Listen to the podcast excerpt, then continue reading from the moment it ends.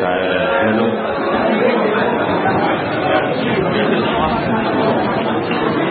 إن الحمد لله تعالى نحمده ونستعين به ونستغفره ونعوذ بالله تعالى من شرور أنفسنا وسيئات أعمالنا. من يهد الله تعالى فلا مضل له ومن يضلل فلا هادي له. وأشهد أن لا إله إلا الله وحده لا شريك له وأشهد أن محمدا عبده ورسوله. أما بعد فإن أصدق الحديث كتاب الله تعالى وأحسن الهدي هدي محمد صلى الله عليه وآله وسلم. وشر الأمور محدثاتها وكل محدثة بدعة وكل بدعة ضلالة وكل ضلالة في النار. اللهم صل على محمد وعلى آل محمد كما صليت على إبراهيم وعلى آل إبراهيم في العالمين إنك حميد مجيد وبارك على محمد وعلى آل محمد كما باركت على إبراهيم وعلى آل إبراهيم في العالمين إنك حميد مجيد. في المحاضرة الماضية في الأسبوع الماضي تلقيت مئات الأسئلة. الأوراق المكتوبة وقرأتها وكما وعدتكم في الأسبوع الماضي أن أجيب عن بعض هذه الأسئلة. وطريقتي في قراءة الأسئلة أنني أقرأها كلها. ثم أنظر إذا تكرر سؤال ما أو فكرة ما بصورة كبيرة أنا أعدها ظاهرة. تستحق الإجابة. وأحيانا يكون السؤال خاصا بصاحبه يعني لا يتكرر. فأنا لما قرأت الأسئلة وجدت أنها تندرج تحت أربعة محاور. أو أربعة أسئلة كبار. خلاصة الأسئلة دي. السؤال الأول هو حالة توهان عند الشباب. لا يعرفون ماذا يفعلون ولا يعرفون ما الذي يراد منهم. تافه امرؤ تافه ده المحور, الأول. أو الشريحة الأولى الأهم في الأسئلة التي وردت إليها. السؤال الثاني مسألة الأمر بالمعروف والنهي عن المنكر مع كثرة المخالفات الموجودة في كل مكان في الجامع في الشارع وفي البيت. وفي الأسواق وفي في كل مناحي الحياة في مخالفات. ونحن أمرنا أن ننكر المنكر. فماذا نفعل إزاء كل هذه المخالفات؟ لو أن رجلا أراد أن ينكر منكرا في الشارع فإنه لن يتعدى عدة أمتار وينتهي يومه ليه عن يمينه مخالفة وعن يساره مخالفة؟ ومن ورائه مخالفة ومن أمامه مخالفة فكلما أراد أن ينكر على هذا وجد هذا فيقوم يخلص مع ده وينكر على ده يبقى مش هيروح حياته ستقف فكيف يمكن أن نحقق هذا الجانب الذي تميزت به هذه الأمة؟ وقدم على الإيمان بالله. كنتم خير أمة أخرجت الناس تأمرون بالمعروف وتنهون عن المنكر وتؤمنون بالله. فتأخر الإيمان بالله عن هذه الشعيرة الكبيرة مما يدل على عظمها وأن الدين كله مرتبط بها.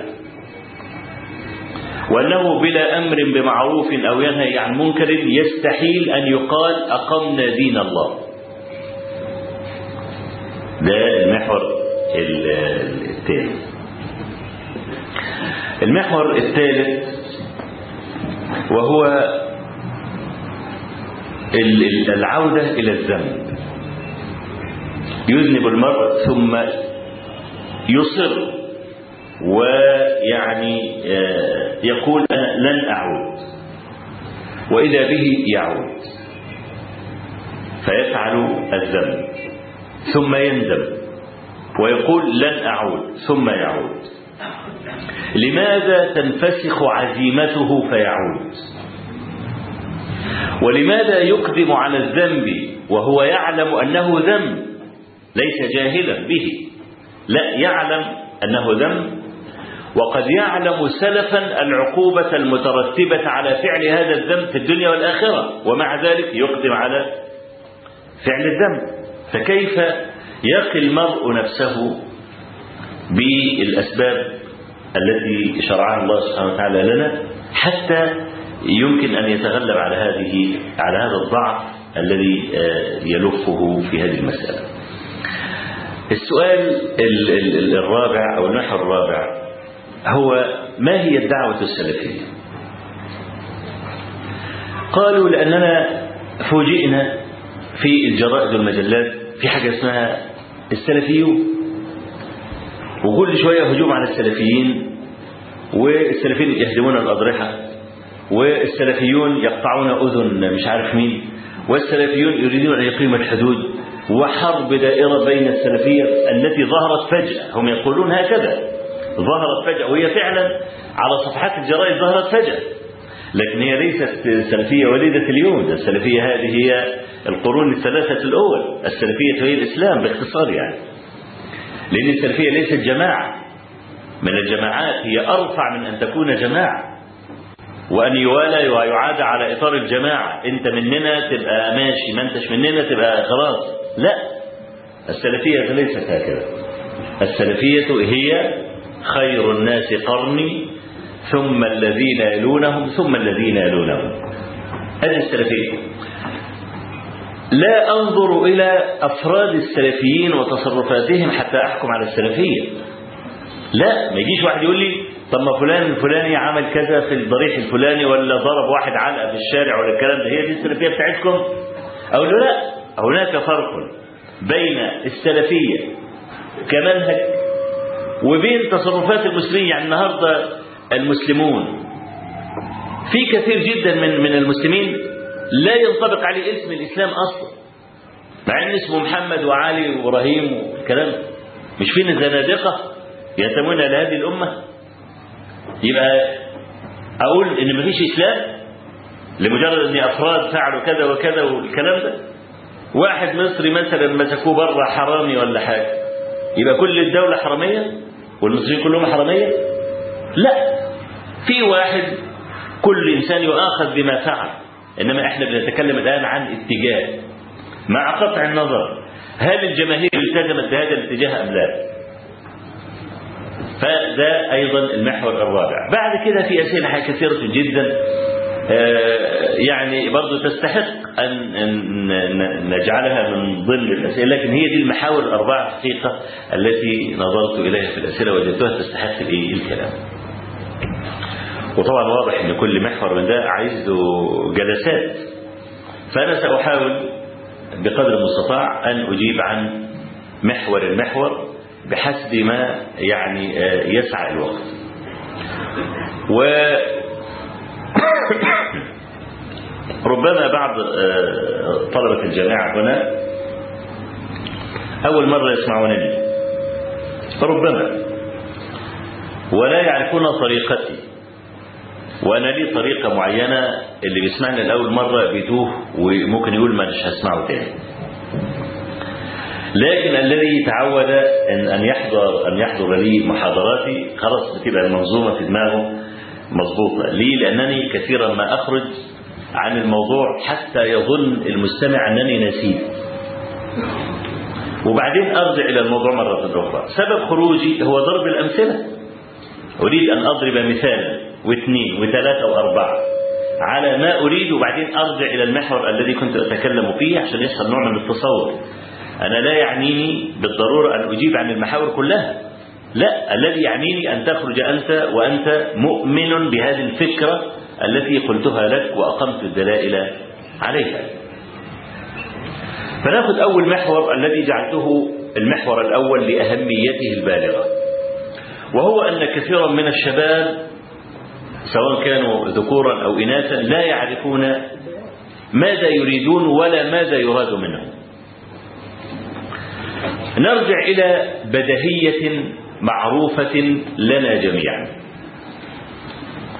وأحيانا البدهية من شدة بساطتها تكون بالغة التعقيد في الفهم. وهذا من العجائب. يعني أنا مثلا عندما أقول لأي واحد سأسألك الآن سؤالا وتجيب فورا فورا. يعني لا تفكر ولا نصف ثانية. تديني الإجابة فورا. قد يباغت ويتنعسم ولا يستطيع أن يجيب. مع سهولة السؤال وبساطته وإن الدنيا كلها بتقول. لماذا نتزوج ممكن تفاجأ مع إن السؤال شوف سهل أهو. ممكن تفاجأ إن محتاج تفكر ولو لعدة ثواني. مع إن الأصل السؤال بدهي جدا وسهل خالص. فمن سهولته وبساطته وكثرة ترداده صارت الإجابة صعبة. زي ما إحنا بنقول في المثل من كتر خطابها بارد. ها؟ المفروض من كتر خطابها حتى واحد يشيل. ها؟ لكن بارد ولا واحد شاف كله بيتفرج ببلاش ويمشي. السؤال السؤال الذي أنا سأطرحه الآن. إجابته معروفة. تقريبا يعني إن شاء الله للكل وهو لماذا خلقنا؟ على طول أنتوا حافظين الآية. وما خلقت الجن والإنس إلا ليعبدون. حاجة بس سهلة بسيطة هنجيب بقى لماذا مع سهولة الجواب بقت المسألة معقدة. على الأقل على الواقع. الواقع يشهد بكذب الإجابة. اللي الناس بتجاوبها. ها؟ يعني هو يقول لك أنا سأفعل. أنا خلقت عشان أكون إنسان كويس وممتاز ومش عارف إيه الكلام ده. طب واقعيا أنت كذلك؟ لا. طب نرجع نشوف من أين أتى الخلل؟ أتى الخلل من فهم كلمة العبادة خلاص إحنا عارفين إن كل شيء خلقه الله عز وجل خلقه لحكمة بالغة. أيحسب الإنسان أن يترك سدى؟ لا. أفحسبتم أنما خلقناكم عبثا؟ لا. تعالى الله. وما خلقنا السماء والأرض وما بينهما باطلا. ذلك ظن الذين كفروا. فويل للذين كفروا من النار. قال تعالى خلق الله السماوات والأرض بالحق. إن في ذلك لآية للمؤمنين. هم المؤمنون الذين يعرفون أن الله خلق السماوات والأرض بالحق. أما الكفرة ربنا عز وجل يقول إيه؟ ذلك ظن الذين كفروا. ها وما خلقنا السماء والأرض وما بينهما باطلا ذلك ظن الذين كفروا. أما أهل الإيمان فيعلمون أن الله سبحانه وتعالى ما خلق شيئا قط إلا لحكمة بالغة. سواء أدركتها أو لم تدركها يعني في سنة من السنوات الصين لقت العصافير بتاكل القمح. والصين أنتوا عارفين مليار و500 مليون. فلما العصافير كمان تشاركهم في القمح يبقى خلاص العملية إيه؟ خلاص هيجوعوا فعملوا مصايد للعصافير. فخرجت لهم دودة من الأرض أهلكت الحرث والنسل. يبقى العصافير دي كان لازم تبقى موجودة ولا لا؟ أيوة لأنها بتتغذى على هذا الدود الذي لو ترك هيضيع هيفسد أكثر مما تفسده العصافير. عشان في واحد يقول لك ربنا خلق الدبان ليه؟ كل شوية أعمل لها كده وترجع لي تاني. ها؟ ما هو اسمه ذباب. تعرف ذباب يعني إيه؟ كلما ذب آب فبقى ذباب. ها؟ اسمه كده. كلما ذب تبعده كده أهو تهشه آب. إيه؟ يرجع لك مرة ثانية فبقى ذباب. تمام؟ خلق ربنا خلق الذباب ليه؟ آه انت مش عارف. لأن أنت كل كلك محدود. وأنا بستغرب من البني آدم الذي يعتقد أن سمعه محدود وبصره محدود. وكل شيء محدود لكن عقله غير محدود يا أخي. بيفهم في كل حاجة. ولا يريد أن يسلم أنه يفهم أنه لا يفهم في أشياء. يعني النهارده النبي عليه الصلاة والسلام قال لولا ألا تدافنوا لدعوت الله أن يسمعكم عذاب أهل القبور. القبور اللي جنبنا دي فيها صراخ لو نحن سمعناه ما دفنا ميتا. فكتم الله عز وجل هذه الأصوات عنا ولا نسمعها عشان تتم مسألة الدفن. وإلا مين اللي هيدفن ميته؟ علشان يسمع صوته وهو بيصرخ ليل نهار فما يعرفش حتى ينام منه. أنت بتبقى في البيت لو أبوك أو أمك أو أخوك بيقول آه آه آه آه ما تعرفش تنام. ده بقى صراخ بقى واحد بقى بيعذب مثلا. نسأل الله العافية. وأن ينجينا وإياكم من عذاب القبر من عذاب النار. فسمعي محدود. لما بتروح تعمل إيكو على القلب ويفتح لك صوت الدم المتدفق في الشرايين. صوت عالي جدا جدا ومزعج للغاية. شلال نازل أنت حاسس بحاجة؟ حاسس إن في دم بيجري في أي مكنة لازم في أثناء الحركة تزن. يبقى لها صوت ولو خفيف جدا جدا. تخيل بقى لو معدتك وهي بتهضم بتزن. وقلبك بيزن. ودانك بتشتغل بتزن أي حاجة في جسمك بتعمل زنة كده لأنه موتور شغال. أنت ممكن يحصل لك إيه؟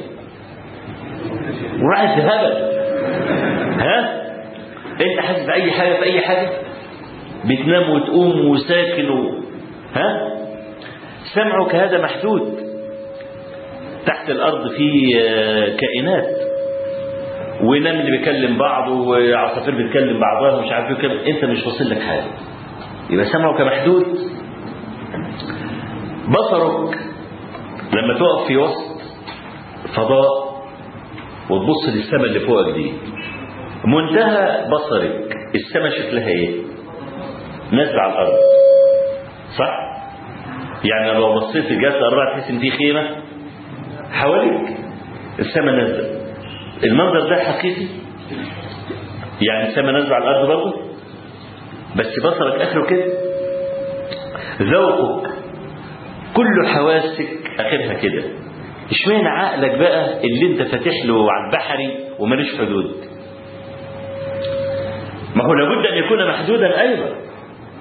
صح؟ زي ما كل الحواس محدودة لابد أن يكون عقلك أيضا محدود. يبقى في أشياء خلقها الله سبحانه وتعالى لحكمة نحن لا ندريها. ونحن لا نعرفها. طيب أنا لما أرجع لي الآية التي بينت.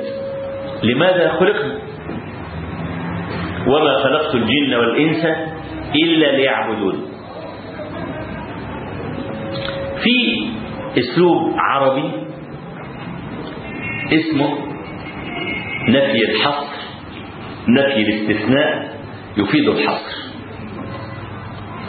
أداة الاستثناء اللي هي إيه؟ إلا. صح؟ ده أنتوا خدتوا الثانوي المفروض يعني خدتوا الثانوي ها؟ إلا. لما تلاقي حرف نفي قبل إلا يبقى تعرف إن بعد المعنى يقصد به اللي بعد كلمة إلا وإنه محصور عليه هو فقط. لا يتعداه إلى غيره. فعندما تقول لا إله نفيت الألوهية ولا لا؟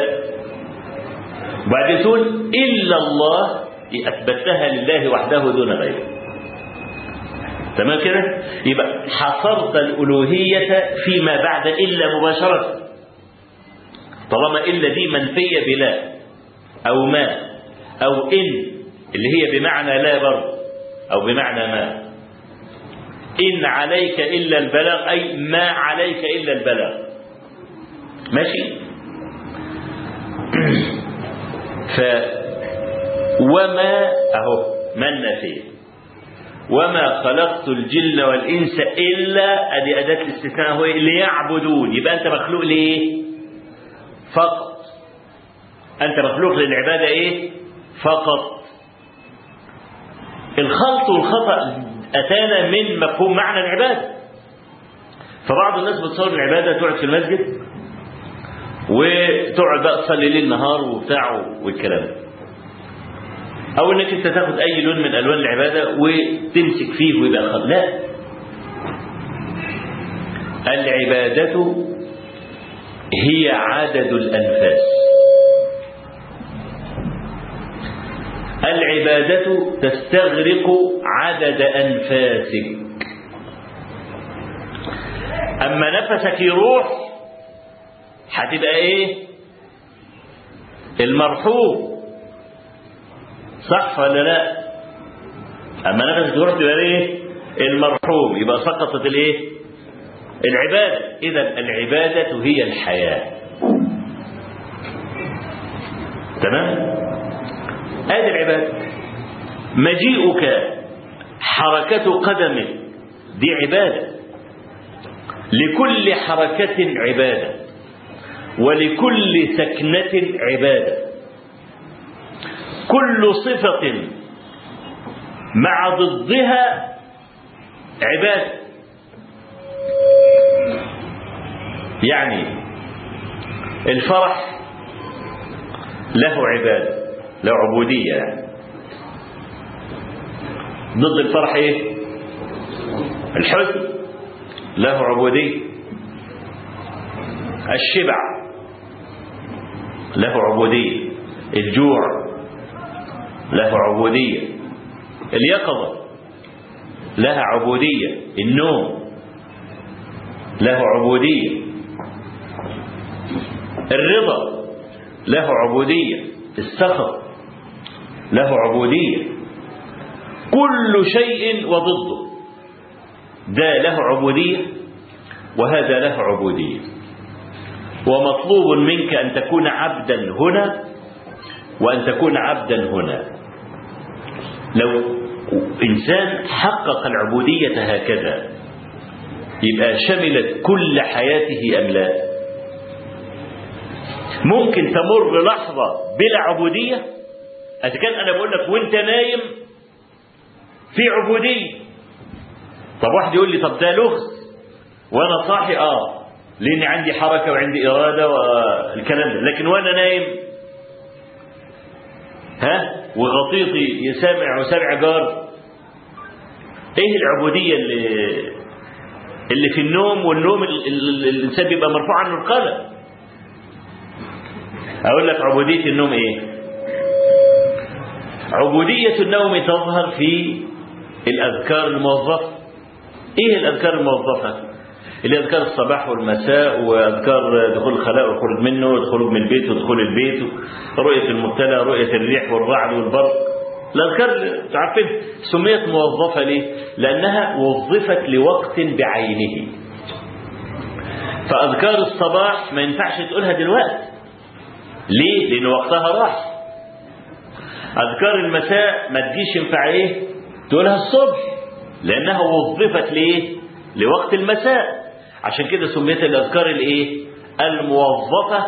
ليه؟ لأنها إنما تقال في أوقات بعينها زي ما يكون الموظف بيروح الشغل بتاعه من الساعة 8 للساعة 2 هي دي الوظيفة. خارج هذا الوقت ليس موظفا تمام؟ طيب لما تيجي تنام عشان تؤدي عبودية النوم. لكي تؤدي عبودية النوم. بتذكر الدعاء الذي علمناه رسول الله صلى الله عليه وسلم. ضع نام على جنبك الأيمن ثم ضع كف يدك اليمنى تحت خدك ثم قل. اللهم وجهت وجهي إليك. وألجأت ظهري إليك. خلاص؟ هذه فقرتين اهم وجهت وجهي إليك ألجأت ظهري إليك. لا ملجأ ولا منجى منك إلا إليك. قبلها وفوضت أمري إليك. بعد ألجأت ظهري إليك وفوضت أمري إليك لا ملجأ ولا منجى منك إلا إليك. آمنت بكتابك الذي أنزلت وبنبيك الذي أرسلت. قال صلى الله عليه وسلم من قالها ومات من ليلته مات على الفطرة. الفطرة اللي هي إيه؟ للإسلام. الدعاء ده مشتمل على معان جليلة كثيرة. أنا هقف بس عن الثلاث فقرات الأولى عشان أبين لك كيف حققت معنى العبودية. وأنت نايم. معروف إن النوم هو الموتة الصغرى. كلنا لما بننام أرواحنا تفارق أجسادنا وتصعد إلى فوق. خلاص؟ قال الله عز وجل الله يتوفى الأنفس حين موتها والتي لم تمت في منامها. أي يتوفاها أيضا. اتنين نايمين جنب بعض. واحد مات. والتاني استيقظ. إيه اللي حصل؟ إن هما الاثنين لما ناموا أرواحهم الاثنين طلعت فوق.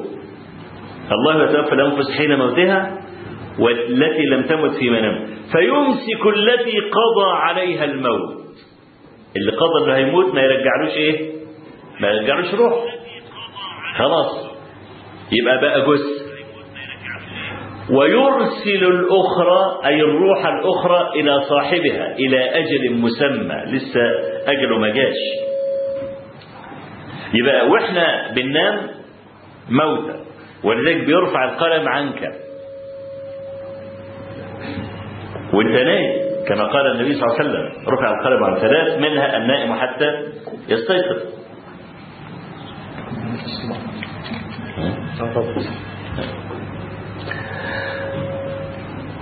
يبقى النوم هو الموتة الصغرى. أنا نمت. أنت لك عدو ولا لا؟ أه؟ من هو عدوك؟ جميل. الشيطان أقسم أن يضل كل بني آدم إلا المخلصين. فبعزتك لأغوينهم أجمعين إلا عبادك منهم المخلصين بفتح اللام أي الذين أخلصهم الله لنفسه. فالشيطان ما ليس له سبيل. إلا ربنا اصطفاه الشيطان ما عرفش يعمل حاجة. بخلاف المخلصين بكسر اللام. الشيطان ممكن يلعبه ويغلبه مرة وهو يغلب الشيطان مرة بس في الآخر يختم له بخير. لأن العبرة بالخواتيم. يبقى إذا أنا عندي عدو أقسم أن يضلني. يبقى عدو مستعد دائما ماسك سلاحه بصفة دائمة لا ينام. عنده سرايا تترى. واخدين خطوط سير. قيل للحسن البصري أينام إبليس؟ قال لو نام لوجدنا راحة يتهدي شوي. ينام شوي. ما بينامش. ليه؟ عنده سرايا. ها؟ كتائب. إذا ده نام ده شغال. ليه؟ همهم الأكبر أن يضل بني آدم ويدخلهم النار. فإذا كان عدوك لا ينام. وممسك بسلاحه. طب انت يا مسكين لما تنام مش ممكن العدو يغتالك؟ مش ممكن يقضي عليك وانت نايم؟ انت محتاج لحماية. من الذي يحميك؟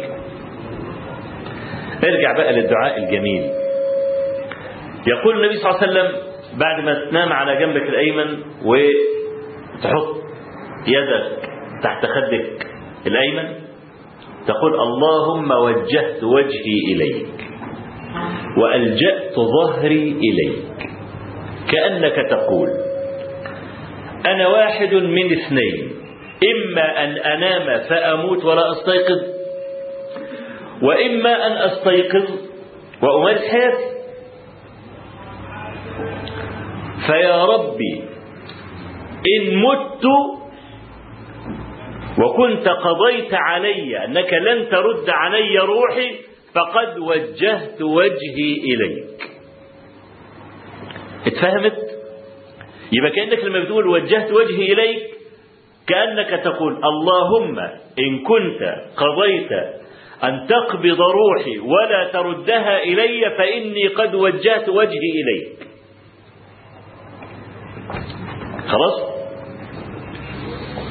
وإن كنت قضيت أن في حياتي بقية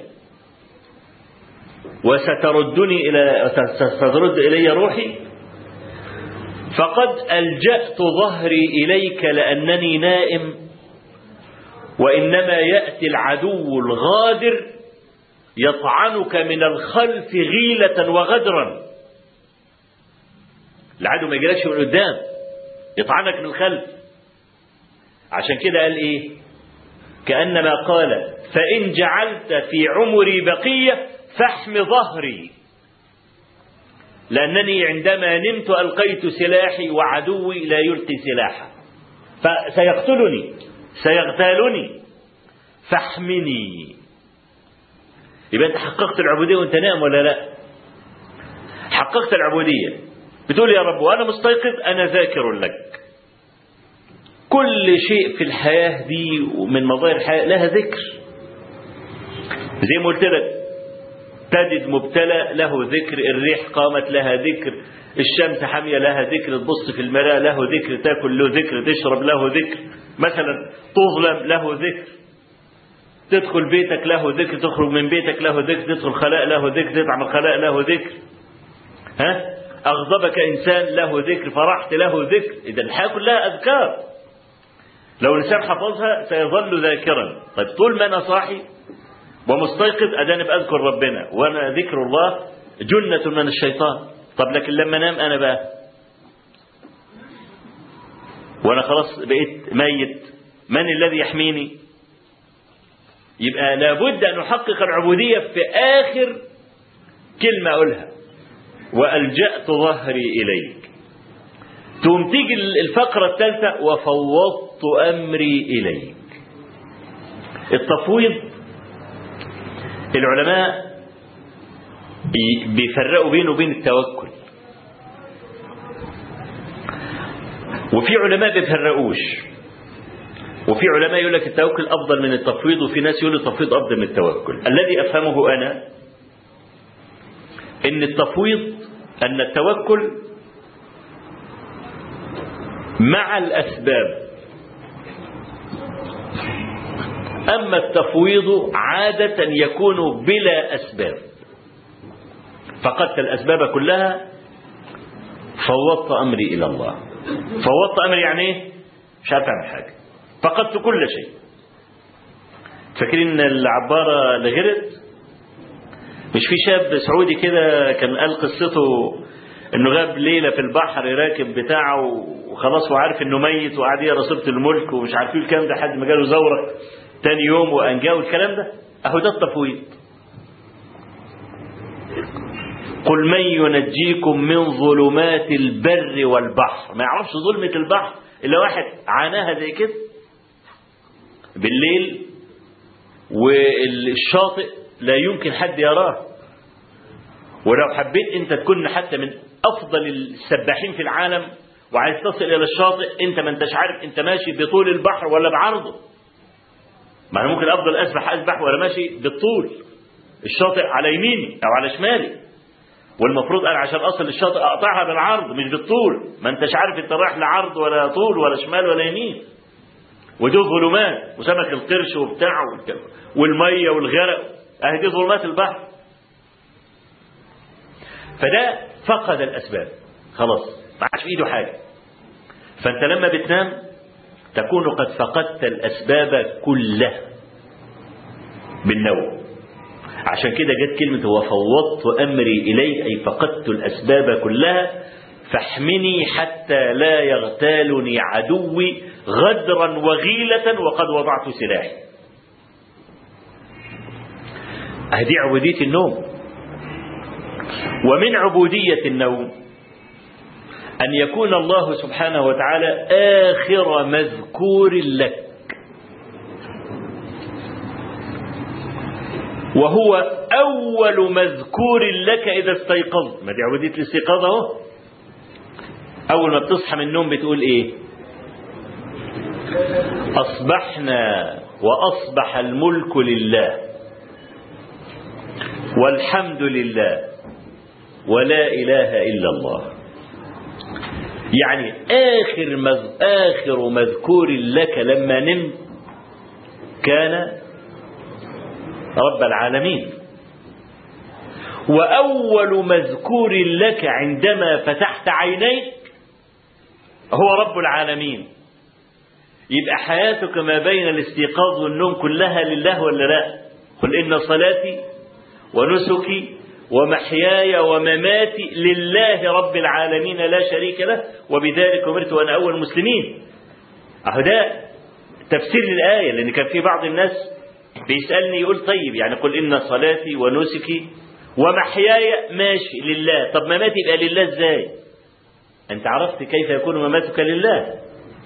بشرح الإيه؟ بشرح هذا الحديث.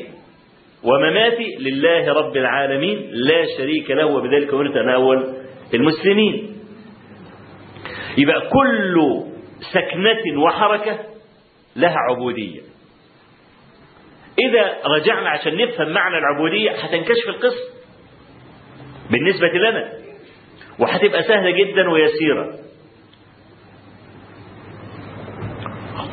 كل الناس يسعى إلى التمكين في الأرض. والاستعمار اللي حاصل في العالم كله بقصد الهيمنة وفرض اللغة والثقافة وأن يمكن له. الإنجليز لما جم احتلوا مصر مش كانوا جايين ياخدوا خيرات مصر بس. لا كان أهم حاجة عندهم ينشروا اللغة الإنجليزية. لأن بنشر اللغة الإنجليزية ستأخذ ثقافتهم وتأخذ منظومة حياتهم بالكامل. وعلشان يعملوا القصة دي ويرفعوا من شأن اللغة خلوا زمان أيام دنلوب وضع تعليم في مصر ومن مصر انتقل إلى كل البلاد العربية. خلى مدرس اللغة الإنجليزية حاجة كده سوبر فوق. واداله الحصص الأولى. طالب لسه جاي ونشيط والكلام ده.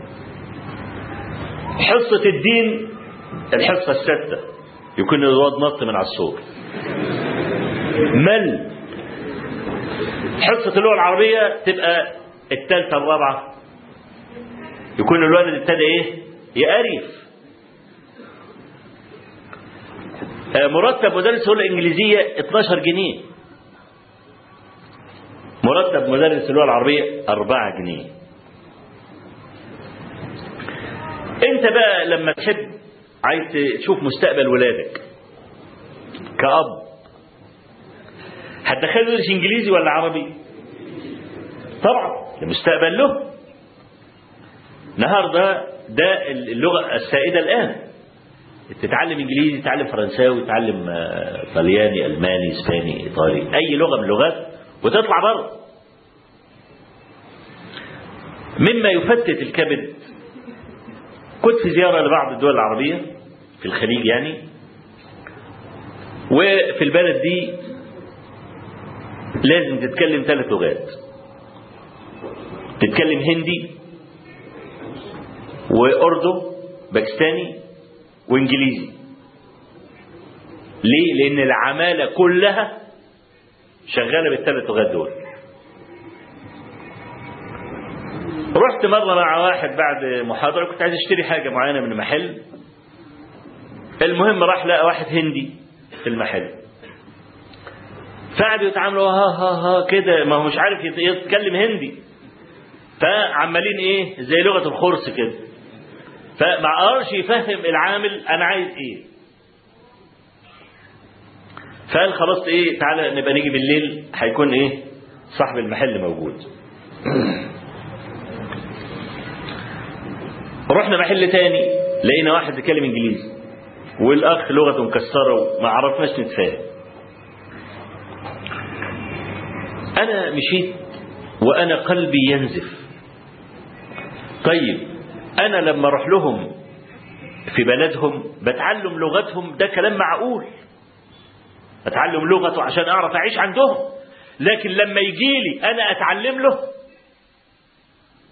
يعني أنا مكتوب عليا أروح له أتعلم لغته ويجي لي أتعلم لغته برضه. ليه؟ ليه؟ لماذا هذا الذل؟ ولغتي تبقى نازلة تحت. ويتريقوا على اللغة العربية. أنتوا فاكرين آه، شاطر ومشطور وما بينهما طازج؟ ها؟ عارفين القصة دي؟ أهي دي قصة فريه لتشويه اللغة العربية. مجمع اللغة العربية نفسه أنكر القصة دي. قال لك إن إحنا عايزين بدل ما بتتكلم كلمات إنجليزي نقلبها عربي بس إيه؟ بس برضه كلمة تكون لذيذة لطيفة خفيفة كده. الجماهير ما تشعرش إن فيه ثقل لما أنت نقلت للعربي. مثلا okay. سهلة. طب عايزين okay دي؟ نخليها إيه؟ آه بالعربي. وتكون سهلة زي okay كده. مثلا يعني يوم يقول لك إيه؟ عايزين نشوف كلمة سهلة الجماهير تقبلها. فيقول لك نعم. حاضر طيب. مثلا قال لك طيب الكلمة الدارجة عند الدنيا كلها ساندويتش. ساندويتش دي كلمة مش عربية. طب عايزين نحط كلمة عربية مكان ساندويتش قال لك تاهت ولقيناها طاز شاطر ومشطور وبينهما طازج. أنت ممكن تسيب المحل وتهرب ولا لا؟ نفس اللي هيعمل لك سندوتش هيرميه في وشك أصل شاطر ومشطور اللي هو الرغيف لما تقسمه بالإيه؟ بالسكينة. وما بينهما طازج. الطازج ده إحنا هنحط نقط. وانت كسبون بتختار هتاكل إيه؟ تقول له اديني شاطر ومشطور. يوم هو يقول لك وبينهما إيه؟ تقول له بطاطس أو طماطم أو فلافل. أنتوا بتضحكوا اهو. ما هي دي مسخ. اكن أنا بدل كلمة ساندويتش اعمل الجملة دي بقى علماؤنا في مجمع اللغة من البلاهة لدرجة إنه عايز يحط كلمة مكان كلمة وتبقى كلمة خفيفة الدم عشان الجماهير تقبلها يحط لك الدبشة دي. ها؟ سطر. ومش بعيد يكون الواد اللي بيعمل سندوتشات مثقف يقول لك اعرف. ها؟ وندخل بقى القصة بقى وبتاع فيقوم يقبحوا اللغة بحاجة زي كده. عشان كده القصيدة الجميلة بتاع حافظ إبراهيم اللغة العربية تشتكي نفسها. لوسعت كتاب الله لفظا وآية وما ضقت عن آي به وعظاتي كيف فكيف أضيق اليوم عن وصف آية وتمسيق أسماء لمخترعاتي؟ أنا البحر في في أحشائه الدر كامن فهل سألوا الغواص عن صدفاتي؟ ده كله منظومة بسبب إيه؟ جاية من فوق اللغة الإنجليزية تبقى هي اللغة الأم الكل بيسعى إلى تعلمها عشان يلاقي وظيفة ب 12 جنيه لما يبقى مدرس لغة إنجليزية. مدرس اللغة العربية يجيبوه في الأفلام والمسلسلات لابس البنطلون بالبتاع الأستيك بتاع زمان ده. ما أعرفش أنتوا إذا كنت شفتوه ولا بتاع ها؟ ابو حمالات. تمام كده؟ وكل شوية يجيبوا لك وبيشدوا كده وبيشدوا كده ها؟ ويعمل لك الحمالة كده. وفي التمثيليات والأفلام يجيبوا كده. ها؟ واللغة العربية لما يكون واحد بيتكلم لغة عربية في فيلم مثلا مأذون جاي عشان يعقد قران ولا حاجة يقول يا جماعة خلصونا بقى. لما قال بقى ده كده ده لغة عربية فصحى بقى. ها؟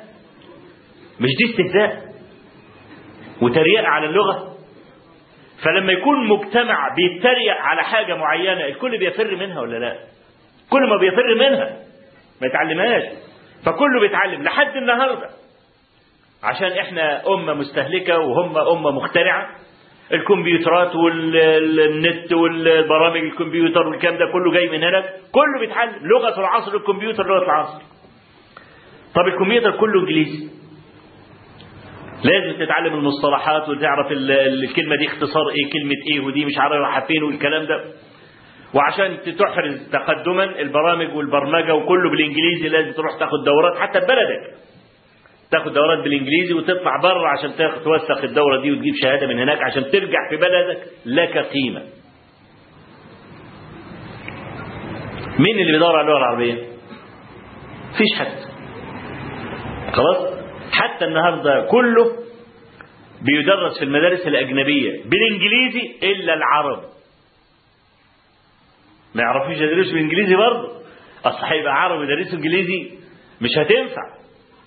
فيبقى الحساب والرياضة والبتاع اسمه العلوم والجغرافيا والتاريخ والتربية الاجتماعية كله بالإنجليزي إلا اللغة العربية طبعا ما ينفعش تبقى بالإنجليزي لازم تبقى بإيه؟ باللغة طب أنا هطلع أعمل إيه باللغة العربية؟ آكل بها إيه يعني؟ ولذلك تلاقي مستوى متدني في الأرض مش عارف يعرف جملة بالعربي بس يعرف يجيب الشاذ في قواعد الإنجليزية شواذ القواعد ويحاكم بينها ويرجح بالأدلة لدرجة إن أنت تنبهر الواد معلوماته وصل للدرجة دي. أه فالاستعمار أي استعمار في الدنيا يوم داخل في أي بلد علشان ينشر إيه؟ ينشر لغته أولا. أوعى تقول لي ياخد بترول وياخد الكلام ده تحصيل حاصل. بياخده فيما بعد بس أهم حاجة عنده أن ينشر إيه؟ لغته. ليه؟ سينقل ثقافته بالكامل وحياته بالكامل إلى مجتمع كامل. ولذلك تشوف واجهات المحلات في بلاد المسلمين. كلها بالإنجليزي. أي واحد يفتح محل قد كده أهو. اتنين ونص في واحد ونص. يقول لك سوبر ماركت. قال لا. يا عم ده أنا بدخل بكتفي ماركت إيه اللي أنت عمال تتكلم فيه ده؟ ها؟ طب ليه تقول سوبر ماركت؟ ليه ما تقولش اذا نروح المحل؟ ايما أخف يعني. كلنا على بعضنا في البيوت وحتى البصمجية والناس الفلاحين في أراضيهم واللي بيعزقوا بالفاس وكان يقول لك يا روح السوبر ماركت يلا هات مش عارف الفاس وهات المنجل والمش عارف إيه. طب السوبر ماركت وهات الفاس. ها؟ بقت سهلة. حتى لو بالعربي يكتبوا لك بالإنجليزي. مثلا عمر. عمر يعني. واخد بالك إزاي؟ أحذية. بدل محل يقول لك shoes إيه اللي خلى كل المحلات واجهتها إنجليزي؟ بتروح تشتري أي حاجة زي تيشيرت ولا بتاع الكلام ده تلاقي كله بالإنجليزي مكتوب على على صدر الواد وعلى ظهره صح الكلام ولا لأ؟ وأنت لو راجل ملتزم ومش عايز ولا حرف إنجليزي ما بتلاقيش تقعد تدور على فانيلا ولا تدور على بنطلون ولا بتاع لازم تلاقي كله يا على وشه يا على ظهره انجليزي. علشان يبقى الحرف الانجليزي تحت بصرك على طول يبقى سهل. بيعمل نوع من الحنين. ها؟ دي دي تحتها دراسات نفسية عميقة. مش مجرد كلمة مكتوبة على قماش. لا. عشان يبقى انت ليل نهار الحرف الإنجليزي هو المقدس مش الحرف العربي. فكل أمة بتدخل عشان تستعمر أمة تانية القصد القصة دي. يبقى إذا إحنا كلنا كأمم نريد التمكين. ها؟ رجعت أنا تاني أهو. لما كنت بقول إحنا كلنا بندور على التمكين.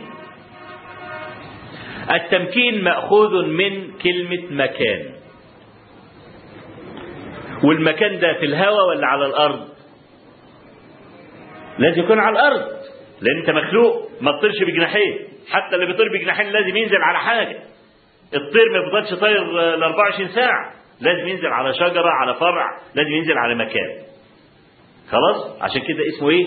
التمكين نسبة إلى المكان. الجيوش لما بتهجم لا يمكن القوات الجوية تحرز انتصارا إلا إذا المشاة احتلت المكان. ها؟ يعني أيام العراق لما دمروا العراق من فوق الطيارات تطلع فوق وتضرب صواريخ. مين اللي يحسم المعركة؟ القوات الجوية ولا ولا المشاة؟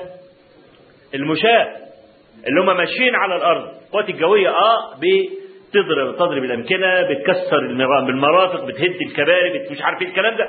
بتقتل الناس علشان القوات الأرضية تمشي وتلاقي مكان تتمركز فيه وتبتدي تبني وتعمر وتعيش.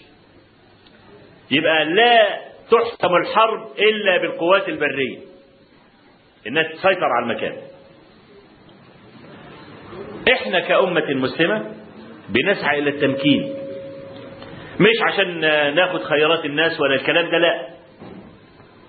شوف قال الله عز وجل وعد الله الذين آمنوا منكم وعملوا الصالحات ليستخلفنهم في الأرض كما استخلف الذين من قبلهم وليمكنن لهم دينهم الذي ارتضى لهم. وليبدلنهم من بعد خوفهم أمنا يعبدونني لا يشركون بي شيئا. هذه المراد من إنك أنت تسيطر على المكان. يعبدونني أهو لا يشركون بي شيئا. ومن كفر بعد ذلك فأولئك هم الفاسقون. إحنا لما بندخل على أي أمة القصد أن نقيم عبادة الله. لا إنك أنت بتاخد فلوسه ولا إنك أنت بتقهره ولا تحوله عن دينه. إذا أراد أن يبقى على دينه اطلاقا. كل الكلام ده غير موجود. بس الآية دي جت بعد إيه؟ جاءت بعد عدة آيات تكرر فيها ذكر الطاعة أكثر من سبع ثمان مرات. وأنت تستطيع إنك أنت تقرأ الكلام ده في سورة النور من أول آية 46 لقد أنزلنا آيات مبينات والله يهدي من يشاء إلى صراط مستقيم. ويقولون آمنا بالله وبالرسول وأطعنا. ثم يتولى فريق منهم من بعد ذلك وما أولئك بالمؤمنين. الآيات قسمت الناس إلى قسمين. قسم يدعي الطاعة وهو ليس كذلك وقسم مطيع لله ورسوله. وإذا دعوا إلى الله ورسوله ليحكم بينهم إذا فريق منهم معرضون. وإن يكن لهم الحق يأتوا إليه مذعنين. أفي قلوبهم مرض؟ أم ارتابوا أم يخافون أن يحيف الله عليهم ورسوله؟ بل أولئك هم الظالمون. ده القسم الأولاني إنما كان قول المؤمنين إذا دعوا إلى الله ورسوله ليحكم بينهم أن يقولوا سمعنا وأطعنا وأولئك هم المفلحون. ومن يطع الله ورسوله ويخشى الله ويتقه فأولئك هم الفائزون. خلاص؟ بعد كده بآية قال تعالى قل أطيعوا الله وأطيعوا الرسول. فإن تولوا فإنما عليه ما حمل وعليكم ما حملتم وإن تطيعوه تهتدوا وما على الرسول إلا البلاغ المبين. وعد الله الذين آمنوا منكم وعملوا الصالحات ليستخلفنهم في الأرض. إذا أنت عشان يبقى لك مكان على الأرض لابد أن تفعل مبدأ سمعنا وأطعنا. طيب. أنا النهاردة لما أقول لكم يا جماعة إحنا خايفين على القرآن والسنة. وأنتوا بتقروا في الجرايد؟ الكفر البواح. جرائد مستقل ما سقف الحرية كل ما بيرتفع دون أن يحكم الدين. بننحرف إلى الزندقة على طول. ها؟ ما في وزارة الثقافة. كان وزير الثقافة ده رجل ملوش علاقة بالثقافة بالمرة كانوا بيسموه الفنان. ها؟ يقول لك بيرسم سريالي ومش عارف إيه. طب سريالي أنا على استعداد أرسم لك سريالي دلوقتي وهتدي تعظيم سلام. أعمل إيه؟ هجيب دوائر حبر واكبها على الأرض. هتلاقي دوائر حبر 13 يمين شمال وعملت خط كده وخط كده ونازل كده ونازل كده وبطشه في النص كده. أهو ده السريالي اهو ده الرسم السريالي ها؟ تبص للوحه يا اخويا ما تفهم أي حاجة.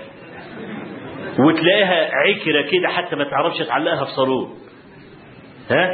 عصاية رايحة كده ورايحة كده ومش عارف إيه والكلام فنان حاطينه على وزارة الثقافة 23 سنة. فضاعت الهوية بالكلية لأن الثقافة هي التي تميز الأمم والثقافة دائما تنبع من دين الناس وأخلاقهم وعاداتهم. اوعى تكون فاكر إن الثقافة جاية من هوى الثقافة منظومة الأخلاق في المجتمع. إذا كان المجتمع مسلم الثقافة بتطلع إسلامية. يعني أنت مثلا لما الولد ابنك الصغير سنتين وعندك ضيوف قام جاي على الضيف واداله قلم على وشه. ما هو عيل بقى سنتين ولا ثلاث سنين ما فهمش حاجة يعني. أنت بتقول له إيه؟ عيب يا ولد عمك هي دي الثقافة. اللي انت بتربيها في الولد ان في حاجة اسمها عيب.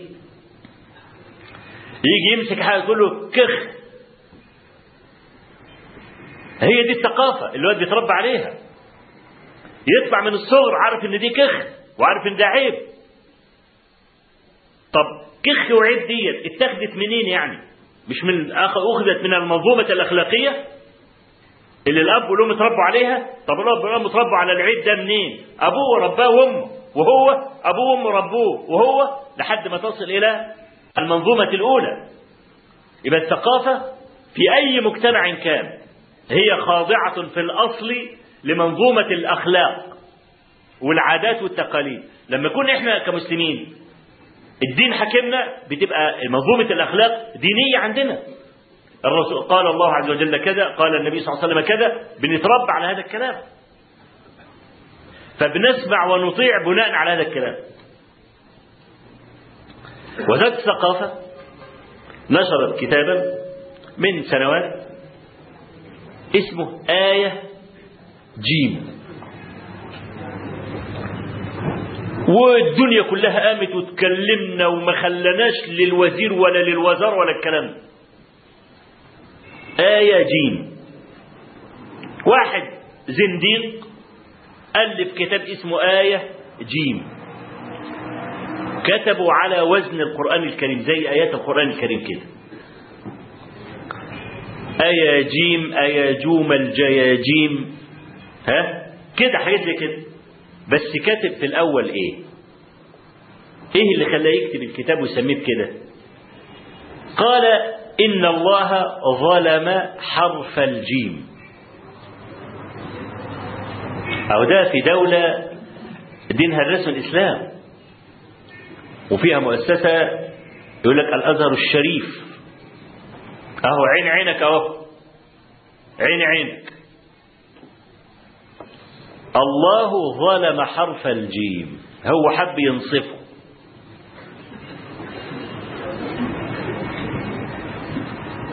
طيب إيه وجه الظلم يعني الحرف الجيم؟ قال لك لم يذكر في الحروف المقطعة. اللي في بداية السور. ألف لام ميم. ها؟ ألف لام راء كاف ها يا عين صاد. ها؟ ما تلاقيش في الحروف المقطعة دي طه ياسين. عشان في بعض الناس فاكرين طه يعني اسم من أسماء الرسول وياسين اسم من أسماء الرسول لا. ياسين حروف مقطعة زي ألف لام ميم. طه اسم حروف مقطعة. ها؟ ما هوش اسم. فيبقى الحروف المقطعة خلت من حرف الجيم هو عايز ينصف حرف الجيم. طب خلينا مع الفاجر لحد باب الدار. إذا جاز وتعالى الله عما يقول الظالمون علوا كبيرا أن يحط الله عز وجل خلقا من خلقه أو عبدا من عباده. حد ممكن يرفعه؟ ومن يهن الله فما له من مكرم. لو افترضنا يعني كده لو مشينا مع الزنديق لحد باب الدار. حتى المنظومة ما تنفعش.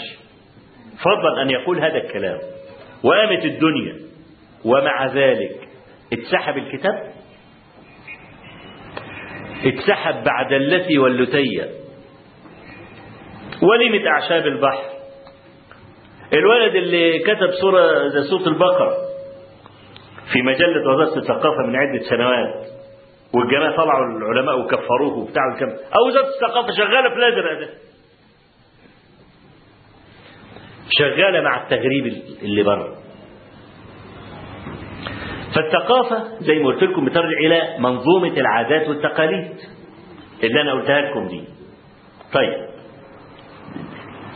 لما أجي أقول يا جماعة إحنا خايفين على القرآن والسنة لأن سقف الفوضى زاد مش هقول سقف الحرية. سقف الفوضى زاد ومقالات كفرية كل يوم وبتاع والكلام ده وأنا بقول لكم أنا خايف على القرآن والسنة. أنتوا كشباب إيه دوركم؟ أنا سأقص عليكم مثلين مثل اللي إحنا بنأتسي به ومثل آخر أقوله لكم علشان أنت تستنكف من الوضع اللي أنت فيه. مر قد إيه طيب. أنا المثلين دول هقولهم وهحاول ألم الموضوع لأنه طويل ومهم. وإن قدر الله سبحانه وتعالى وإدارة الجامعة سمحت بمحاضرات أخرى. هنواصل معاكم هذه المحاور الهامة اللي هي جاتني في الأسئلة اللي أنا قلتها في الأول يعني. روى الإمام البخاري معلقا في صحيحه ووصله أبو داود والترمذي وأحمد وغيرهم بسند جيد أن النبي صلى الله عليه وسلم قال لزيد بن ثابت تعلم لغة يهود فإني أخشى على كتابنا. زيد بن ثابت ده كان أحد كتاب الوحي. لغة اليهود اللي هي اللغة الإيه؟ العبرية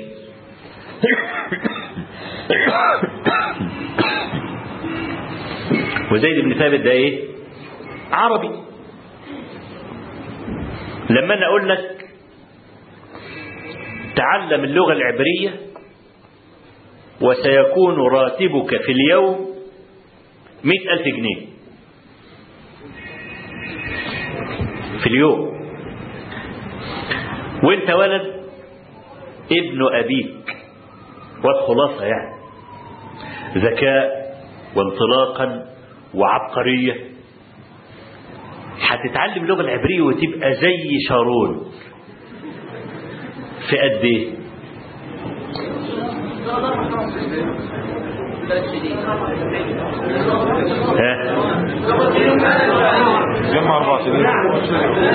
يعني مثلا لا ده أنا أربع سنين ده يبقى مش ابن ابوه يبقى ابن أمه. ها؟ لا أنا ابن ابوه يعني إيه؟ يعني واد خلاص. يعني هيجيب على الأقل في سنة ونص. سنة سنة ونص مثلا سنتين يبقى الواد إيه؟ ابن أبيه. واد علامة يعني. خلاص كده؟ يعني نتفق على هذا؟ موافقة؟ ها؟ ما أنا ما أنا سيد قراره بقى. ها؟ تعرفين سيد قراره طبعا. آه إحنا في سيد قراره دلوقتي. مع إن سيد قراره ما فيش حد بيحضر العدد ده. ده كلهم بيبقوا بلطجية ما بيحضروش وبياخدوا ثمن الجلسات. مجلس الشعب. لكن ده أنتم مكملين الكراسي ومش لاقيين كراسي تقعدوا عليها كمان أهو. ها؟ موافقة يعني. يعني إيه؟ يعني سنة ونص سنة سنة ونص. عشان تبقى إيه؟ مية مية في العبرية.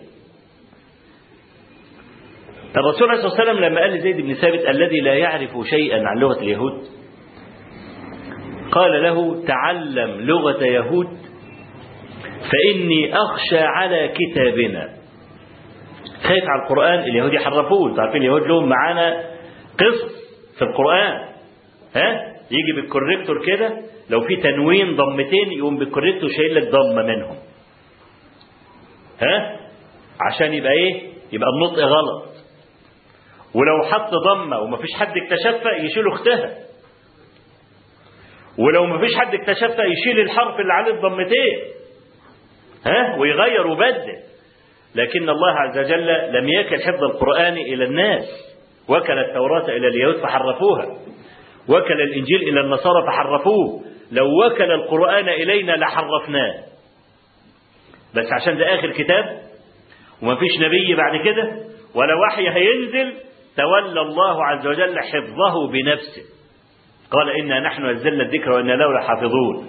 لو شل ضمة واحدة بالكوريكتور العيال اللي اللي قد كده اهو في جنبات الأرض يقول لك غلط يكتشفوها على طول.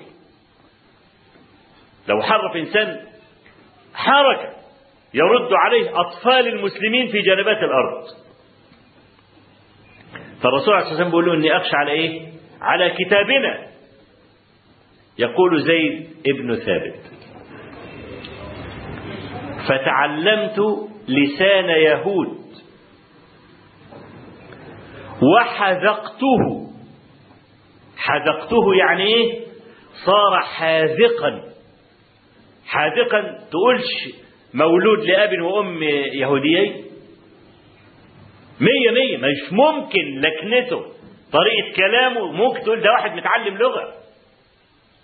أصل بيظهر على طول البني آدم اللي متعلم اللغة حتى لو كان من أفضل الناس نطقا. يتعرف ده ابن اللغة ولا لا؟ لازم يبقى له لكنة تبينه على طول. ها؟ فيقول فحذقته في كام؟ في خمسة عشر يوما. خمستاشر يوم. وأنا خرجت لكم الأثر قبل ما أتكلم وذكرت لكم إن إسناده جيد. إسناده صحيح يعني. أهو ده مش من أساطير الأولين ولا من ألف ليلة وليلة ولا من الزير أبو ليلة. لا كلام ثابت أهو. إسناد قدامنا وأنا راجل مشتغل بالحديث وعارف الأسانيد وأعرف أصحح وأضعف وعارف القصة يعني. قال فحذقته في خمسة عشر يوما. في رواية الترمذي قال زيد قال لي النبي صلى الله عليه وسلم تعلم السريانية. فإني أخشى على كتابنا. حافظ بن حجر يقول السريانية غير العبرية. قال ولا مانع أن يكون أمر بتعلم اللغتين معا. طب ده لو تعلم السريانية والعبرية وحدقها في 15 يوم ده يبقى يطلع إيه ده؟ لابد أنه مؤيد من ربه. قصة ما تجيش غير كده. هذا فوق طاقة البشر. إيه اللي خلاه واحد يعمل كده؟ كلمة أخشى على كتابنا. ما نمشي الليل بقى. أنا لما أجي أقول لك كشاب مسلم تنتمي إلى دينك انتماء حقيقيا إني أخشى على القرآن والسنة أنت ما تنامش الليل لما حصلت الفوضى وانسحاب الشرطة بعد 25 يناير والكلام ده مش عملنا لجان شعبية في الشوارع؟ ليه؟ لجان شعبية ليه؟ يعني الناس عملوها بصورة تلقائية.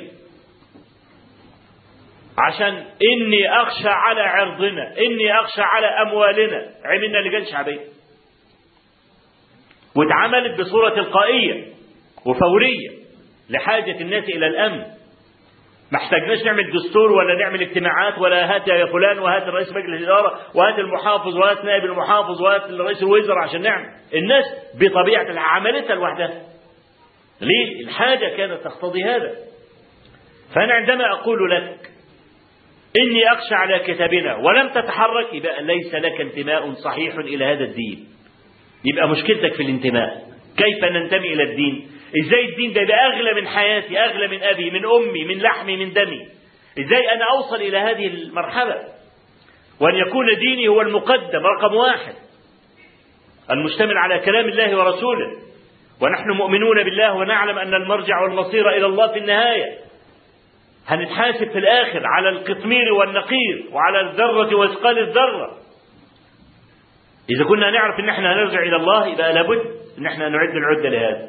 أنت منتمي إلى دينك انتماء حقيقيا لا. هي دي المشكلة من هنا. ده المشكلة من هنا. تعرف الانتماء لو كان صادقا؟ لو كان الانتماء إلى حجر تجيب نتيجة. لو لحجر مش لرب العالمين لحجر. هتجيب نتيجة بس لو انتماؤك صح كان صحيحا. المثل الثاني اللي أنا مهدت له كلمة حجر دي وأختم بيه معاصر. يعني جايز واحد يقول ده زيد بن ثابت وكاتب الوحي. وأنت لسه بتقول مؤيد من الله. طب إحنا أهو إحنا كلنا يعني ما ندور ما بين كسيد وعويل وثالث ما فيه خير مثلا يعني ده أنت ممكن تقول لنفسك كده أنا ما بقولش إن ال- ال- الأمة كده الحمد لله الأمة مليانة بالخير. لكن أنت ممكن تهضم حظ نفسك وتقول إحنا فين وهم فين وش جاب لي جاب والكلام اللي إيه اللي بيتقال في المناسبات اللي زي. لا أنا هجيب لك واحد. انتمى لتراب. وهقول لك عمل إيه. تعرفين الحرب العالمية الثانية؟ اللي قرأ يعني كانت بين اليابان وألمانيا و... وبعدين الحلفاء أمريكا وبريطانيا وفرنسا والكلام ده. وانتهت القصة بهزيمة ألمانيا واليابان واتقسمت ألمانيا ألمانيا غربية وألمانيا شرقية واليابان ضرب بالقنبله النووية في هيروشيما وناجازاكي. وأجبر الامبراطور الياباني على توقيع وثيقة الاستسلام والهزيمة. والطيارون اليابانيون انتحروا بطائراتهم في المحيط عشان كانت أمة كانت أمة قوية عزيزة. وبعض الأخبار اللي أنا الروايات اللي أنا قرأتها إن جماعة من الطيارين اليابانيين لم يتحملوا الهزيمة. نزلوا بالطائرات بتاعتهم على سبيل الانتحار على الأسطول الأمريكي فدمروه. نزل بيبوز طيارة كده في وانتحر وكانت النتيجة ضرب اليابان بالقنابل النووية. أو القنبلة الذرية. اتدمرت اليابان وبعد ما كانت في السنة نزلت الأرض. وكتفوا اليابان لحد النهاردة وألمانيا. ممنوع على اليابان أن تصنع أي شيء عسكري. ممنوع تصنع طائرة عسكرية. ولا صاروخ. ولا دبابات. وفي تفتيش على كل المصانع اليابانية كل ستة أشهر. وممنوع يكون عند اليابان يورانيوم مخصب لتصنيع قنبلة ذرية كل المفاعلات النووية بقصد الطاقة وإنتاج الكهرباء. زي فوكوشيما بعد الزلزال ده حصل الأربع مفاعلات دي كان القصد منها الكهرباء مش تصنيع القنبلة الذرية ولا تخصيب اليورانيوم. وقالوا لهم سنطلق أيديكم في الصناعات السلمية. تعمل بوتاجازات تعمل تسجيلات تعمل راديوهات تعمل عربيات ماشي. لكن التصنيع العسكري ممنوع. ممكن يكون سمحوا لهم بيعملوا عربية مصفحة زي ألمانيا مثلا.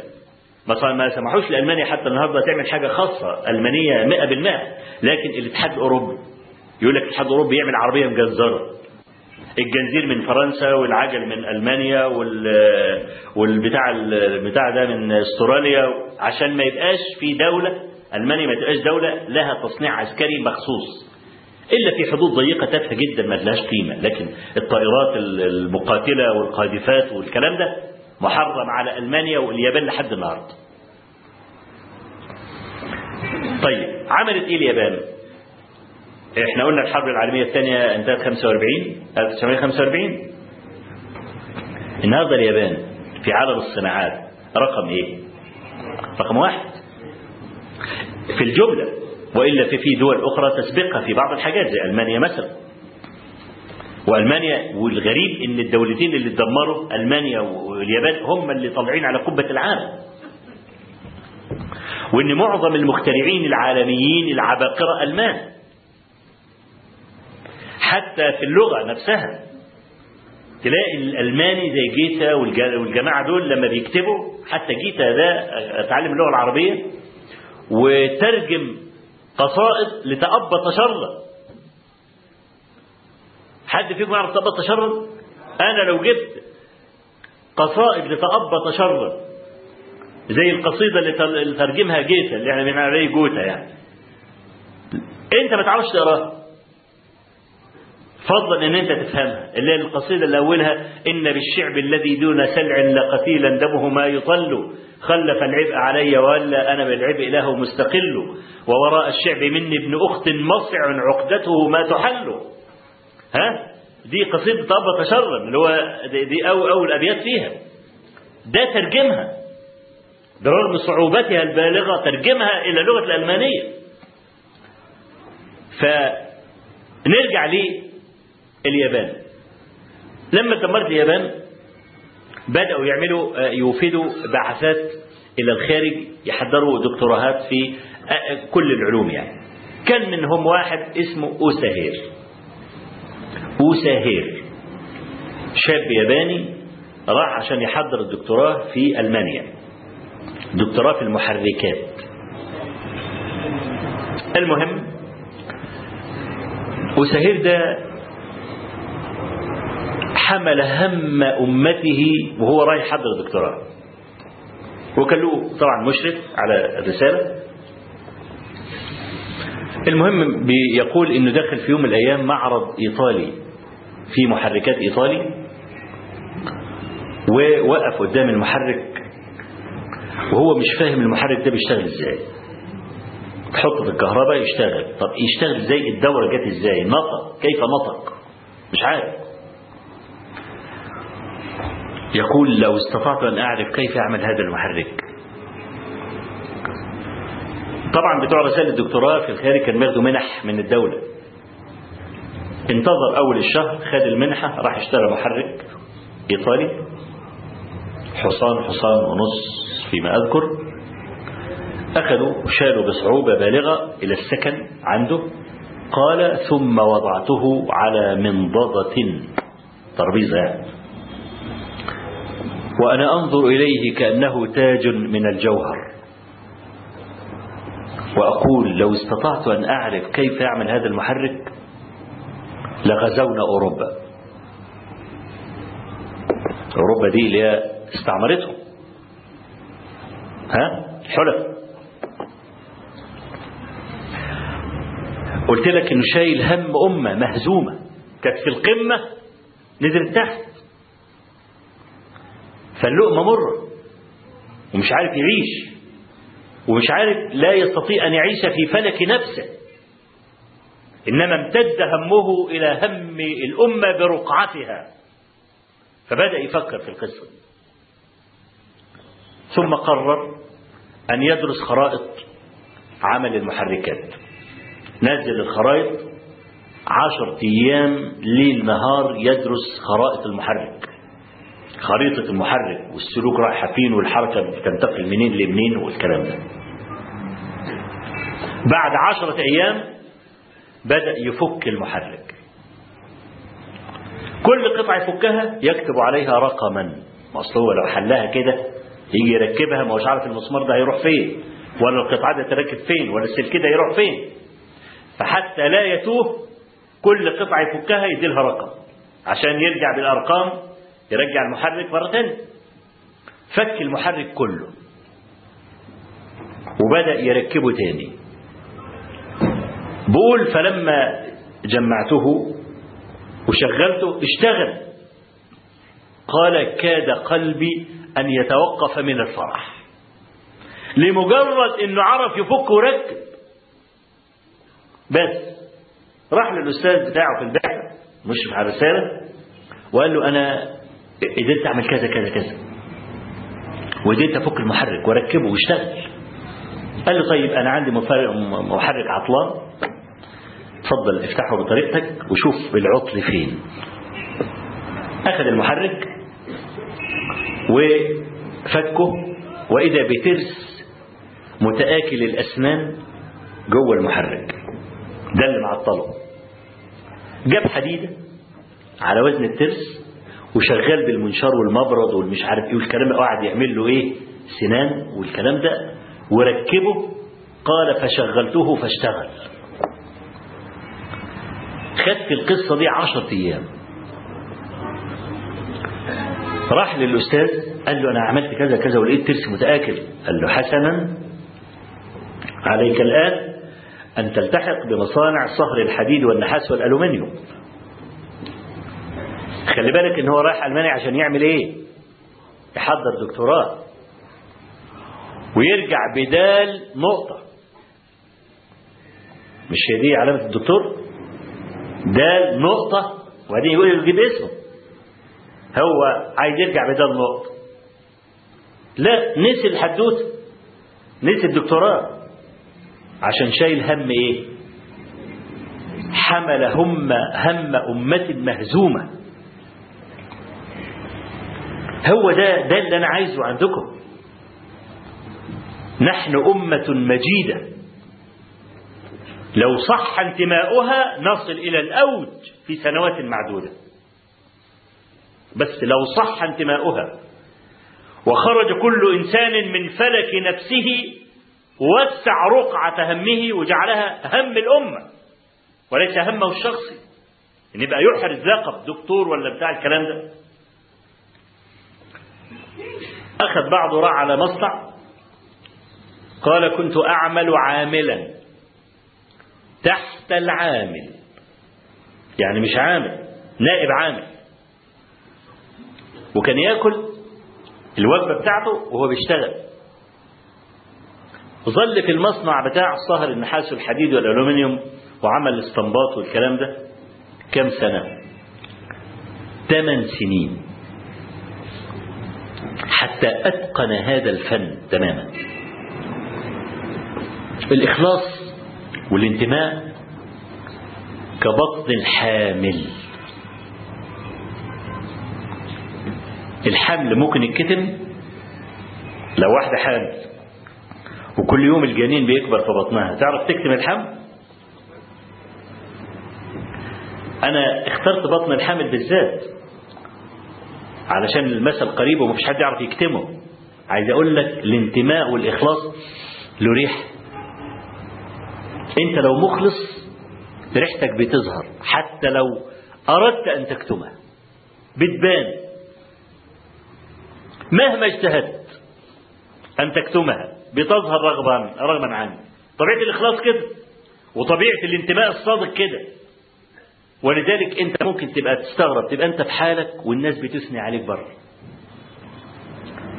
أنت ما بتعاملش حد والناس كل ما تذكر فلان ما شاء الله عليه. ابن حلال صفته كذا وكذا وكذا برغم إن أنت ما عملتش حاجة. وتستغرب. أنت لا أديت خدمات ولا أنت عملت همك وتقول آه اختاروني أنا خير من يمثل عليكم قصدي يمثلكم. ها؟ في الانتخابات والبتاع وأنا هنا ومش عارف إيه الكلام ده يا أخي وتلاقيك بتكرهه من غير ما تعرفه. وواحد تاني تحبه وما عملكش حاجة. هو طبيعة الإخلاص كده. والانتماء. يظهر رغما عنك. كذلك الانتماء بتاع أساهير ده وصل إلى الميكادو. الميكادو ده رأس الطائفة في اليابان. حاجة ضخمة كده. قالوا لي ده في واحد اسمه أساهير شغال. وعنده هم كده. فقال بعت له رسالة. قال أريد أن أتعرف بك. أنا بلغني عنك أخبار.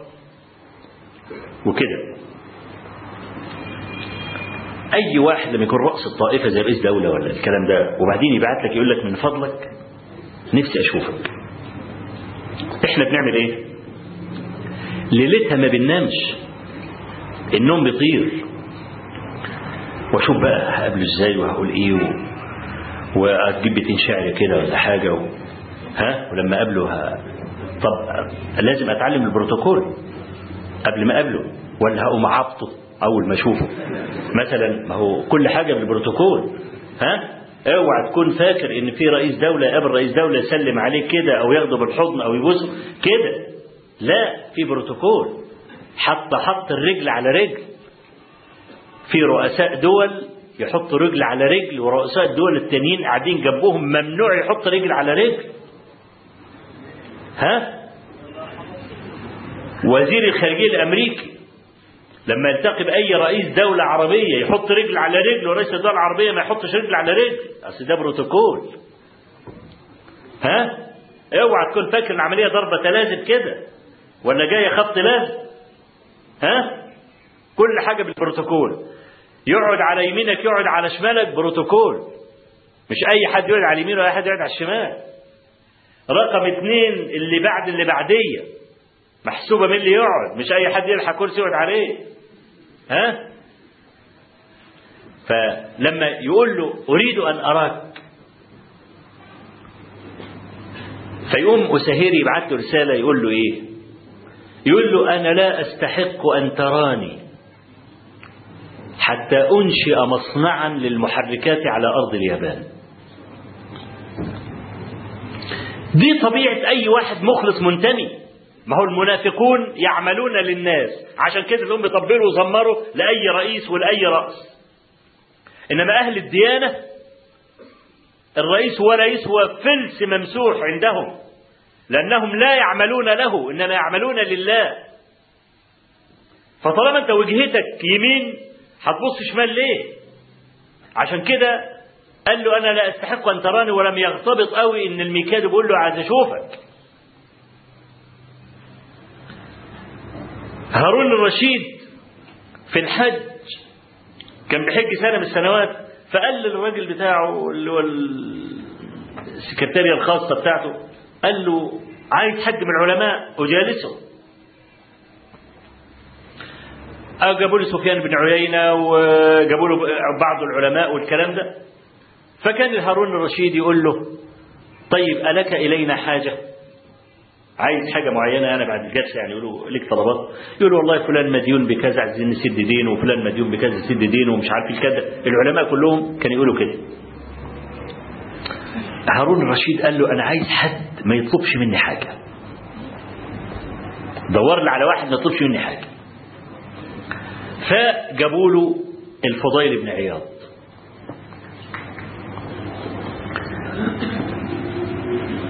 له الفضيل قالوا له هارون عايزك قال له مالي ولهارون.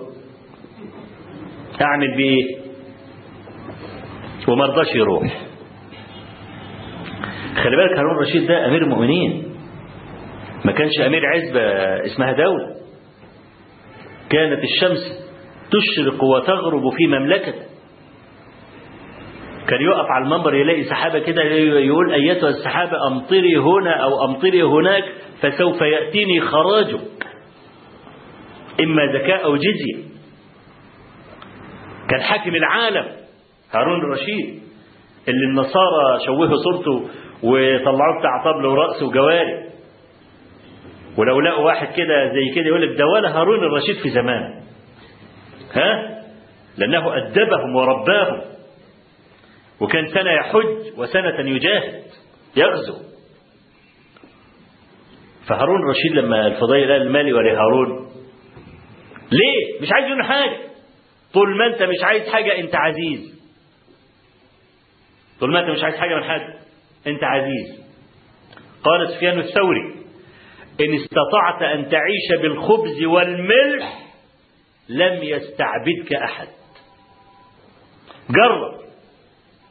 إيه اللي بيذلنا عايزين نعيش عيشة كويسة ونفرش البيت كويس ونجيب أجهزة كهربائية ونجيب مش عارف إيه ونجيب إيه ونجيب إيه ونجيب عربية جديدة ونطلع مش عارف إيه والكلام ده ونروح مصايف ون...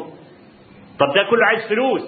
أجيبها منين؟ أطاطي. اللي ده والده والده والكلام ده. لكن اللي مش عايز حاجة من الدنيا خبز وملح يكفيني مفيش حد يقدر يستعبدك. لأنه هتلاقيهم في الزنزانة. ها؟ وخلاص وانتهت الدنيا. خبز وملح مالي ولهارون أم هارون قال أروح له. كان هناك في الظل بن عياض إيه؟ مولع شمعة. في الدار. المخيم بتاعه في منها دق ليه الباب. مين؟ قال له هارون. ما قالوش أمير المؤمنين ولا قال له هارون. عرف. أم مطفي الشمع. تمام؟ بيقول الراوي الحكاية اللي هو كان مع هارون فدخل هارون يتحسس. ما ممكن يتكعبل في أي بتاع يقع على وشه. مفيش نور. قال فدخل هارون يتحسس. والفضيل كمان بإيه؟ بيحسس بيدور على هارون. ها؟ قال فوقعت يده يد الفضيل على يد هارون. فقال الفضيل ما ألينها من يد إن نجت من عذاب الله غدا. شوف ما ألينها من يد إيد ملك متربع العز. فإيده لازم تبقى إيه؟ سست. ها؟ سفنك متربع العز. ولذلك هو قال كده اهو ما يعرفش ايد مين. اللي اللي هو عمال ما عمال يحسس هو كمان. الايد كده ما ألينها من يد إن إيه؟ إن نجت من عذاب الله غدا. قال فبكى هارون. والقصة طويلة مش عايز يعني أخوض فيها قصة لذيذة وجميلة جدا. مش عايز أنا إيه أخوض فيها عشان ما أخرجش عن اللي أنا عايزه. المقصود طول ما أنت حر عزيز مش محتاج من حد حاجة وأنت إيه؟ لا يعنيك فلان راح فلان جاء فلان كلمك فلان دعاك. أسهير كان كده. أسهير ينتمي إلى تراب اليابان. إلى أمة كانت في قمة العز تنتشق حسام العز. إلى أمة مهزومة وقع الإمبراطور وثيقة الاستسلام. فشايل هم الأمة دي. فلا يعنيه ما بيعملش عشان ميكادو ولا عشان ده النقطة. ها؟ فأهمه كبير. قال أنا لا أستحق أن تراني حتى أنشأ مصنع الأرض اليمن. أسهير تلقى حوالة مالية من الميكادو بخمس تلاف جنيه استرليني. هدية. اغتبطوا فرح لأنه دي نواة مصنع صغير يشتريه عشان يعمل مصنع في اليابان. الفلوس فلوسه ولا فلوس الدولة؟ فلوسه هو. الميكادو بعتها له صفة شخصية لكن عنده هم. كيف ترتقي اليابان؟ خد فلوس المنحة اشترى مصنع مصنعا صغيرا. ونزل على أرض اليابان ولم يخبر أحدا والميكادو ما خدش خبر بإن أساهر نزل بس قبل ما ينزل كان في مشكلة. إيه المشكلة؟ إنه عايز يشحن المصنع الياباني ومفيش فلوس. ما عندوش فلوس. قال فانتظرت أول الشهر حتى قبضت راتبي وشحنت به المصنع. نزل على أرض اليابان ظل عشر سنوات يعمل في صمت لحد ما أسس مصنع لصناعة المحركات وبعدين قال للمساعد بتاعه يلا بينا بقى ناخد عشر محركات ونروح للميكادو. ما هو قال له أنا لا أستحق أن ألقاك حتى أنشئ مصنع على أرض اليابان. أخذ عشر محركات واستأذن على الميكادو وقال له أنا جاي لك. طبعا عارفه حطوا بقى المحركات في الكهرباء فجاء هدير المحركات وصوت المحركات عاليا. أول الميكاد ما سمع صوت المحركات انحنى تحية لهذه المحركات. وقال هذه أعذب موسيقى سمعتها في حياتي. موتور ياباني خالص. الآن غزونا أوروبا. يبقى نهضة أمة في هذا الباب قامت على أكتاف إيه؟ فرد. على أكتاف فرد. بس الفرد ده ما صفته. كان صادق الانتماء للتراب لتراب اليابان. أنا لما انقلها لك كمسلم أن تكون صادق الانتماء لله ورسوله تعمل أضعاف اللي عمله أساهير ولا لا؟ تعمل أضعاف اللي عمله أساهير تعمل المعجزات تعمل اللي عمله زيد بن ثابت. 15 يوم أتقن العبرية والسريانية. ليه عنده صحة انتماء. ولما أقول لك أنا خايف على القرآن أنت ما تنامش الليل. وتقول كيف أحمي هذا القرآن؟ أنا خايف على السنة. إن, إن لم يكن من الذين يكذبون من الذين يؤولون ويخرجون الألفاظ عن ظاهره عشان يبطلوا دلالة القرآن والسنة. يبقى أتعلم عشان أرد. أنا مش عايزكم كلكم تبقوا علماء شريعة. بس كل واحد في مكانه. يتقن في مكانه. يكون زيد بن ثابت في مكان مش هقول لك يكون أساهير لأني أستنكف أن أقول لك تبقى أساهير لأنك أفضل منه وأعظم. وتنتمي إلى أمة هي أعرق الأمم. ألم و و و كما قال الشاعر ولا ترد الأسود حياض ماء إذا كان الكلاب يلغن فيه. الأسد لما يحب يشرب ولقى بركة مية شرب منها كلب ما يرضاش يشرب. عشان في كلب شرب منه.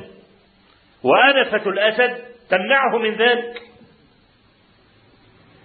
أنا طبعا التشبيه مش لازم مشبه به أقصده كله. عشان مش حد يتصور إن أنا بقول له سير كلب والقصة ديت لا لا يشترط أن يشترك المشبه والمشبه به ولا في أخص الصفات بل يشتركوا في صفة واحدة فقط. وإن اختلفوا في بقية الصفات حتى وهو في أخصها كمان. فأنا عايز أقول لك أنا لما أضرب المثل لزيد بن ثابت ولا اسهير أنت تستنكف تبقى اسهير أن تعمل لتراب. وتقول لا أنا عايز أبقى زيد بن ثابت. الذي كان يعمل لله ورسوله. في نصرة دين الله سبحانه وتعالى. كان يعمل لله وفي نصرة رسوله. صلى الله عليه وسلم عشان بس العبارة تبقى سليمة. أن يعمل لله ورسوله لا العمل لله وفي نصرة رسوله صلى الله عليه وآله وسلم. يبقى إحنا يا شباب الذي ينقصنا الوقود الذي يحرك عشان نصل إلى العبادة الانتماء الصحيح الصادق. عند عندك انتماء صحيح صادق بندخل على بوابة العبودية. كل شيء تفعله من العبودية تنتمي بها إلى أصلك وتتقرب بها إلى ربك. ليه؟ لأنك أنت عبد. شئت أم أبيت. ما تعرفش تبقى سيد أبدا. ليه؟ فيه مرض وفيه موت وقصص أنت ما تعرفش تدفع عن نفسك. فأنت خلقت لتكون عبدا. إذا حاولت تخرج عن معنى العبودية حياتك تتعطل. يعني موتور السيارة. أنا عايز أعمل مصعد في بيتي. أسانسير يعني. قمت مطلع موتور السيارة بتاعتي وحطه في الأوضة فوق. وجبت الكابينة ووصلت الحبال بالموتور. هطلع. يعني ممكن أركب والموتور يشد الكابينة؟ لا. ليه؟ عشان الموتور ده صمم يمشي كده. ما يشدش لفوق. خلاص؟ يبقى أنا لو خلعته من السيارة حطيته في أوضة الأسانسير يبقى عطل لا أسانسير اشتغل ولا سيارة مشيت. صح؟ هات المكنة بتاع الأسانسير حطها في السيارة. شرح. أنت كذلك. خلقت عبدا بمواصفات العبد. تطلع بره معنى العبودية تعطل. ما يبقى لك شغلانة. وتفسد وتصدق لا يكون لك أي عمل. حتى تكون سيدا وتملك الأرض ترجع لأصل الوظيفة التي خلقت من أجلها لوظيفة الإيه؟ العبودية. أول ما تحط رجلك على هذا الطريق يبقى حينئذ تستطيع ببساطة شديدة أن تعرف لماذا خلقت. كل الأسئلة اللي جاياني إن تايهين مش عارفين نعمل إيه وما الذي نفعله وما الذي كذا كل ده يتحل. أول ما تضع قدميك على أول طريق العبودية بطريقة صحيحة. الكلام طويل وأرجو أن أكون وفيت بعض المعنى أو المعنى الذي أردته من هذا المحور. وإن شاء الله تبارك وتعالى الإخوة القائمين في الجماعة هيبلغوكم. إن شاء الله المحاضرة القادمة متى تكون؟ وإحنا عندنا لقاء الثلاثاء بيكون في مسجد شيخ الإسلام ابن تيمية لطلبة الجامعة عموما يعني.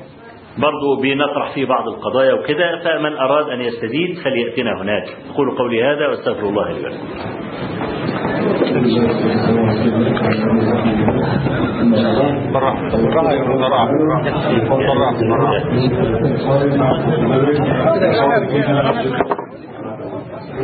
ولكم